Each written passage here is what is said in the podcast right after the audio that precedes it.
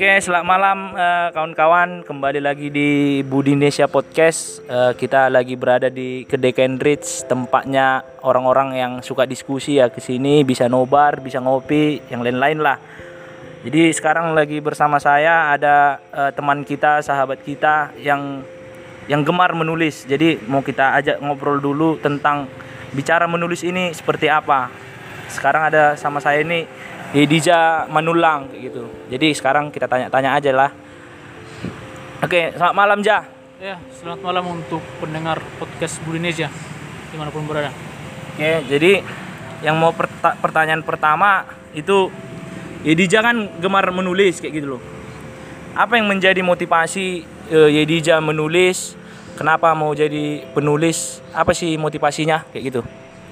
Ya, pertama memang menulis ini saya mulai ketika mengikuti sebuah lomba tingkat nasional dari sebuah organisasi yang saya ikuti. Nah, alhasil yang saya dapatkan memang selama saya menulis dua minggu saya membutuhkan waktu untuk menulis sebuah opini ini dan yang saya dapatkan ketika pengumuman adalah tidak masuk juara tapi saya dapat kabar dari pengurusnya dari pengurus organisasi ini mengatakan saya masuk peringkat empat besar di tingkat nasional dalam lomba tersebut. Hal itu yang kemudian memotivasi saya untuk terus dan mulai mengikuti lomba-lomba menulis di berbagai kegiatan atau event. Nah setelah saya ikuti kegiatan beberapa event di kegiatan lomba menulis yang saya dapatkan malah tidak pernah menang sama sekali. Yang akhirnya berangkat dari saya berangkat dari sana tulisan-tulisan yang saya pernah buat yang saya ikut sertakan dalam lomba tersebut saya masukkan di media yang saya buat di media pribadi saya di WordPress dan di Kompasiana itu menjadi awal pengenalan saya akan menulis pada dua, tahun 2017 Oh, jadi Yedija eh, motivasinya menulis sebenarnya karena ikut lomba dan nggak menang ya, sehingga ke- semakin karena nggak menang semakin termotivasi sebenarnya ya, kayak gitu ya. Jadi apakah ada hubungannya menulis ini dengan gemar membaca aja? Apakah ketika kita menulis ya hanya apa yang dipikirkan atau karena kita gemar membaca sehingga apa yang kita baca itu menimbulkan eh, pemikiran-pemikiran sehingga di diwadahkanlah ke tulisan. Gimana kira-kira hubungannya antara menulis dan membaca ini? Jadi saya pernah ikut seminar sebuah na- seminar nasional tentang tradisi milenial dan sastra. Yang disampaikan inti dari poin seminar tersebut adalah penulis yang baik adalah pembaca yang baik. Berangkat awal mula sebelum saya juga menulis, saya adalah seorang yang mulai mulai ya, bukan yang gemar tapi mulai membaca. Jadi sem- semenjak sekolah dasar SMP, saya sebenarnya orang yang aktif membaca karena dikarenakan bapak saya, orang tua saya adalah seorang waktu kuliahnya sangat gemar juga membaca. Jadi buku-buku di rumah itu ada satu lemari dan nganggur lah dikatakan karena tidak dibaca lagi oleh orang tua saya. Jadi saya iseng-iseng baca walaupun kategori buku berat, saya mulai ah, yang, yang penting membaca yang artinya saya bisa mendapatkan kosakata baru lah dalam buku-buku tersebut. Hal itu berlanjut dan walaupun memang kemudian ketika saya masuk SMA saya jatuh ke jalan yang salah dengan masuknya terjerumusnya ke dalam game online dan point blank dan media sosial membuat hobi saya atau rutinitas saya membaca menjadi hilang. Lalu ketika masuk kembali ke kuliah pada tahun 2015 saya mulai membaca dan itu pun memang belum rutin. Namun ketika tahun 2016 saya masuk sebuah organisasi eh, ekstra kampus, saya melihat orang begitu vokal berbicara dalam perdebatan, dalam diskusi, apa yang membuat hal membuat dia sangat bisa menguasai apa yang disampaikan. Ternyata saya telusuri dia orang yang sangat suka membaca dan saya mulai kembali berangkat dari sana untuk termotivasi membaca. Berangkat dari sana kosakata saya semakin bertambah dan saya terpikirkan dari buku-buku yang saya baca apa yang bisa saya sarikan, apa yang bisa saya rangkum dalam sebuah tulisan. Akhirnya saya mulai menulis dari kata-kata dari buku-buku yang saya mulai baca. Yang artinya adalah hubungan yang saya sa- katakan tadi penulis yang baik adalah dimulai dari pembaca yang baik.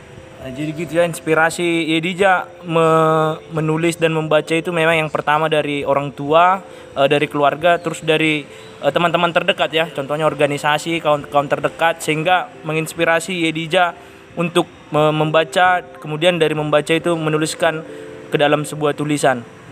Inspirasi itulah yang membuat Yedija eh, sampai sekarang masih gemar untuk membaca dan menulis. Jadi apa harapan Yedija bagi bagi teman-teman sekitar ataupun bagi sahabat-sahabat Yedija untuk mendorong orang-orang ya gemar menulis dan membaca. Apa sih menjadi keuntungan manfaat menulis ini? Baik untuk diri sendiri untuk sekitar ataupun yang lebih luas lah daerah ataupun nasional kayak gitu. Apa eh, harapan ataupun motivasi Yedija untuk teman-teman? Jadi saya pernah ikut sebuah lomba dan puji Tuhan dibukukan dengan, dengan tulisan menulis sebagai perawat peradaban dan sebagai wadah perjuangan. Saya telusuri kenapa kita harus menulis adalah pertanyaan yang sangat fundamental dan cukup filosofis. Hal ini dikarenakan bagaimana, bagaimana mungkin peradaban terus berjalan ketika tu- tulisan tidak ada. Bahkan bagaimana kita bisa merawat tradisi kehidupan ketika tulisan tidak ada. Bahkan di beberapa agama tulisan adalah hal yang sangat dasar. Ketika tidak ada pedoman dalam kitab suci, tidak tidak ada tulisan kitab suci. Apa yang menjadi pedoman agama tersebut? Nah, tulisan menjadi sebuah hal yang sangat penting di dalam kehidupan. Bagaimana tidak kalau tidak ada tulisan, bagaimana bisa hoax terus berkembang? Karena kan sekarang telinga ini sangat cepat untuk menangkap dan mulut sangat cepat menyebarkan tanpa membaca. Kalau kita lihat penyebaran atau sejarah hoax dimulai dari mulut. Dan kita pun sekarang da- dan kita pun sekarang bahkan dari dulu-dulu hidup dalam pemikiran orang lain, hidup hidup oleh perkataan orang lain yang kadang kala tidak benar karena tidak ada literatur yang mendukung. Nah, makanya saya mendorong untuk kita terus bisa menulis. Manfaatnya sangat begitu banyak. Jadi saya boleh ceritakan sedikit tentang manfaat dari menulis ini. Bagi saya pribadi menulis sebagai terapi jiwa. Di mana ketika saya memiliki masalah, saya menuangkannya dalam tulisan ada emosi yang tersampaikan dalam tulisan tersebut. Dan emosi yang tersampaikan dalam tulisan tersebut ketika dibaca orang lain memiliki emosi yang sama bisa menjadi sebuah jawaban atau solusi untuk menghadapi masalah tersebut. Dan juga potensi dari menulis ini masih sangat banyak di kalangan eh, sekarang ini apalagi di kalangan khususnya pemuda. Bagaimana tidak? Memang saat ini literasi kita saya katakan menurut data memang masih sangat rendah. Tapi kalau saya katakan literasi kita sebenarnya sangat tinggi. Karena apa? Di media sosial, media sosial misalkan di Facebook, Instagram, kita sangat sering untuk membuat tulisan. Nah, kenapa kita tidak mengembangkan tulisan yang bermanfaat, tidak hanya sekedar luapan emosi, perasaan atau kelebayan yang bisa kita tuliskan, tapi bagaimana kita menginterpretasikan hasil atau gagasan yang bisa dimanfaat nanti untuk eh, wawasan dan kemajuan dari pribadi kita, lingkungan, dan terutama untuk eh, daerah kita. Itu dia menjadi harapan dan potensi harapan dan potensi yang bisa kita terapkan untuk menulis ini. Oh, sangat menarik sekali teman-teman bagaimana Yedija mengungkapkan manfaat menulis. Ya memang secara kita kalau belajar dari sejarah, contohnya ya banyak tulisan-tulisan yang menjadi pedoman kita sampai pada hari ini bahkan sudah ditulis dari ribuan-ribuan tahun yang lalu sehingga masih bisa dibaca sampai sekarang. Sehingga eh, kita me- mendapatkan manfaatnya hingga saat sekarang ini. Tapi yang menjadi permasalahan memang eh, orang-orang sekarang menulis itu bingung ja, apa yang mau ditulis, apa yang eh, nanti takut tulisan ini jelek, tulisan ini nggak diterima di masyarakat. Apa yang gimana sih cara-caranya menurutmu lah, menurutmu secara pribadi menulis yang baik itu seperti apa? Apakah ya kalau kalaupun nggak usah terlalu terpaksa contohnya apa yang kupikirkan ya itu kutulis. Apakah itu bisa membuat tulisan-tulisan kita ini eh, dibaca orang nggak terlalu lebay, nggak terlalu menjadi eh, sandungan bagi orang-orang lain, sehingga kita bisa dengan enak lah, dengan dengan lega untuk menulis kayak gitu loh, nggak ada hambatan-hambatan nanti diceritai orang lah tulisan kita. Apa yang mem- eh, menurutmu lah langkah-langkah menulis yang baik supaya memang nggak terjerumus, nggak terjebak dengan pikiran-pikiran sempit kayak gitu loh. Kan banyak kita sekarang mau menulis, gimana mulai menulis yang baik? Apa caranya? Apakah harus ikut seminar? Apakah harus eh, sekolah menulis, kelas menulis? Secara pribadi orang takut kayak gitu loh. Gimana menurutmu? Jadi selama saya eh, mencoba untuk belajar menulis, sebenarnya saya belum menemukan formula bagaimana kemudian saya bisa diterima di kalangan semua kalangan lah. Pasti pasti banyak atau beberapa kalangan yang tersempitkan atau tersempitkan dari tulisan yang saya buat. Tapi bagaimana tadi disampaikan bagaimana cara menulis yang baik? Sebenarnya saya pun basicnya adalah pertanian dan tidak memiliki dasar atau pernah belajar ilmu bilang ilmu tentang menulis. Saya belajar menulis secara otodidak. Artinya saya menulis ini sebenarnya itu ya dari motivasi saya membaca tadi, ikut lomba tadi, itu yang terus saya kembangkan untuk uh, menjadi sebuah tulisan. Dan bagaimana supaya tulisan ini sebenarnya bisa diterima di kalangan semua kalangan? Sebenarnya menjadi pertanyaan yang sangat cukup sulit untuk bisa dijawab.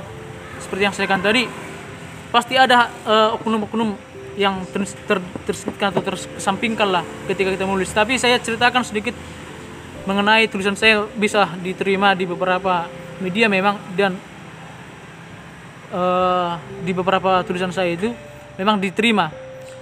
Jadi saya menulis apa yang sekarang menjadi isu, apa yang sekarang menjadi potensi dan apa yang perlu dikembangkan.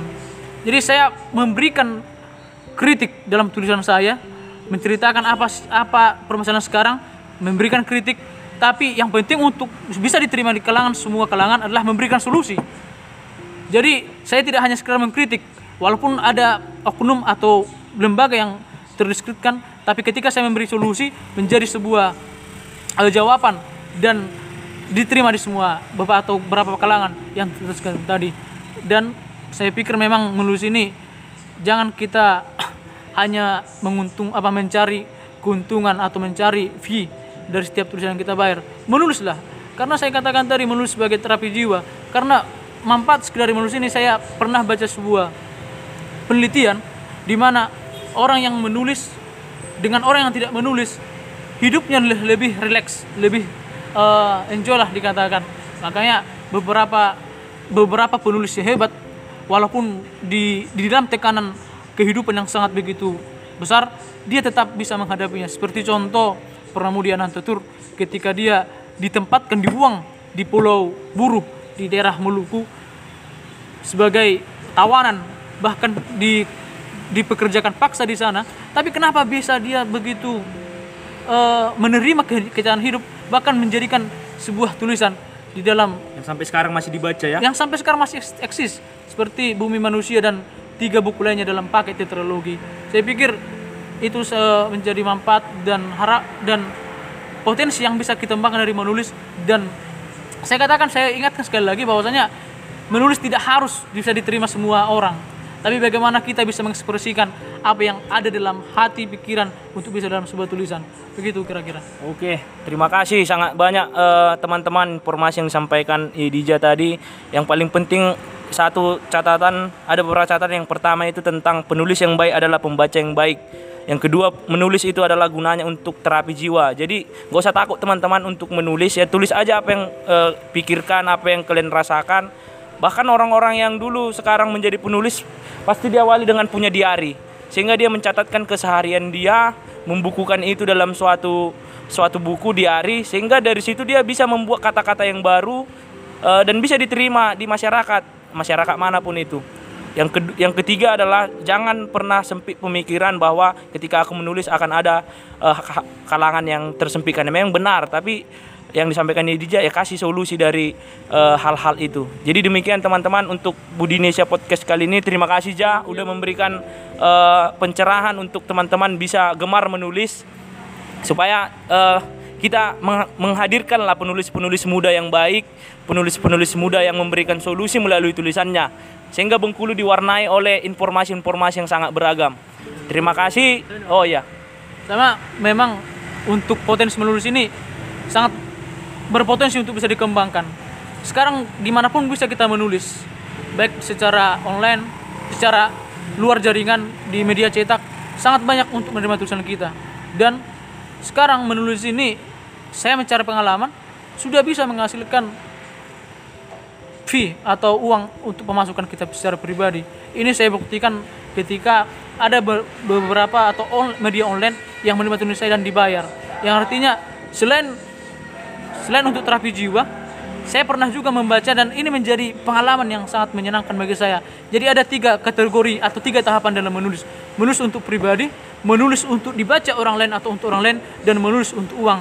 Saya rasa ini harus kita laksanakan atau harus kita lewati tahap tahap demi tahap dan itu dimulai dengan menulis demikian oke mantap jadi jadilah penulis yang baik dengan dan pembaca yang baik dan saya sarankan jangan beli beli buku bajakan ya beli yang aslinya original karena seorang penulis itu sangat uh, sangat susah teman-teman untuk meng menghasilkan tulisan-tulisan yang yang yang bisa diterima kalangan masyarakat. Terima kasih, selamat malam. Budi sekian dari Budinesia Podcast. Tunggu podcast selanjutnya. Salam.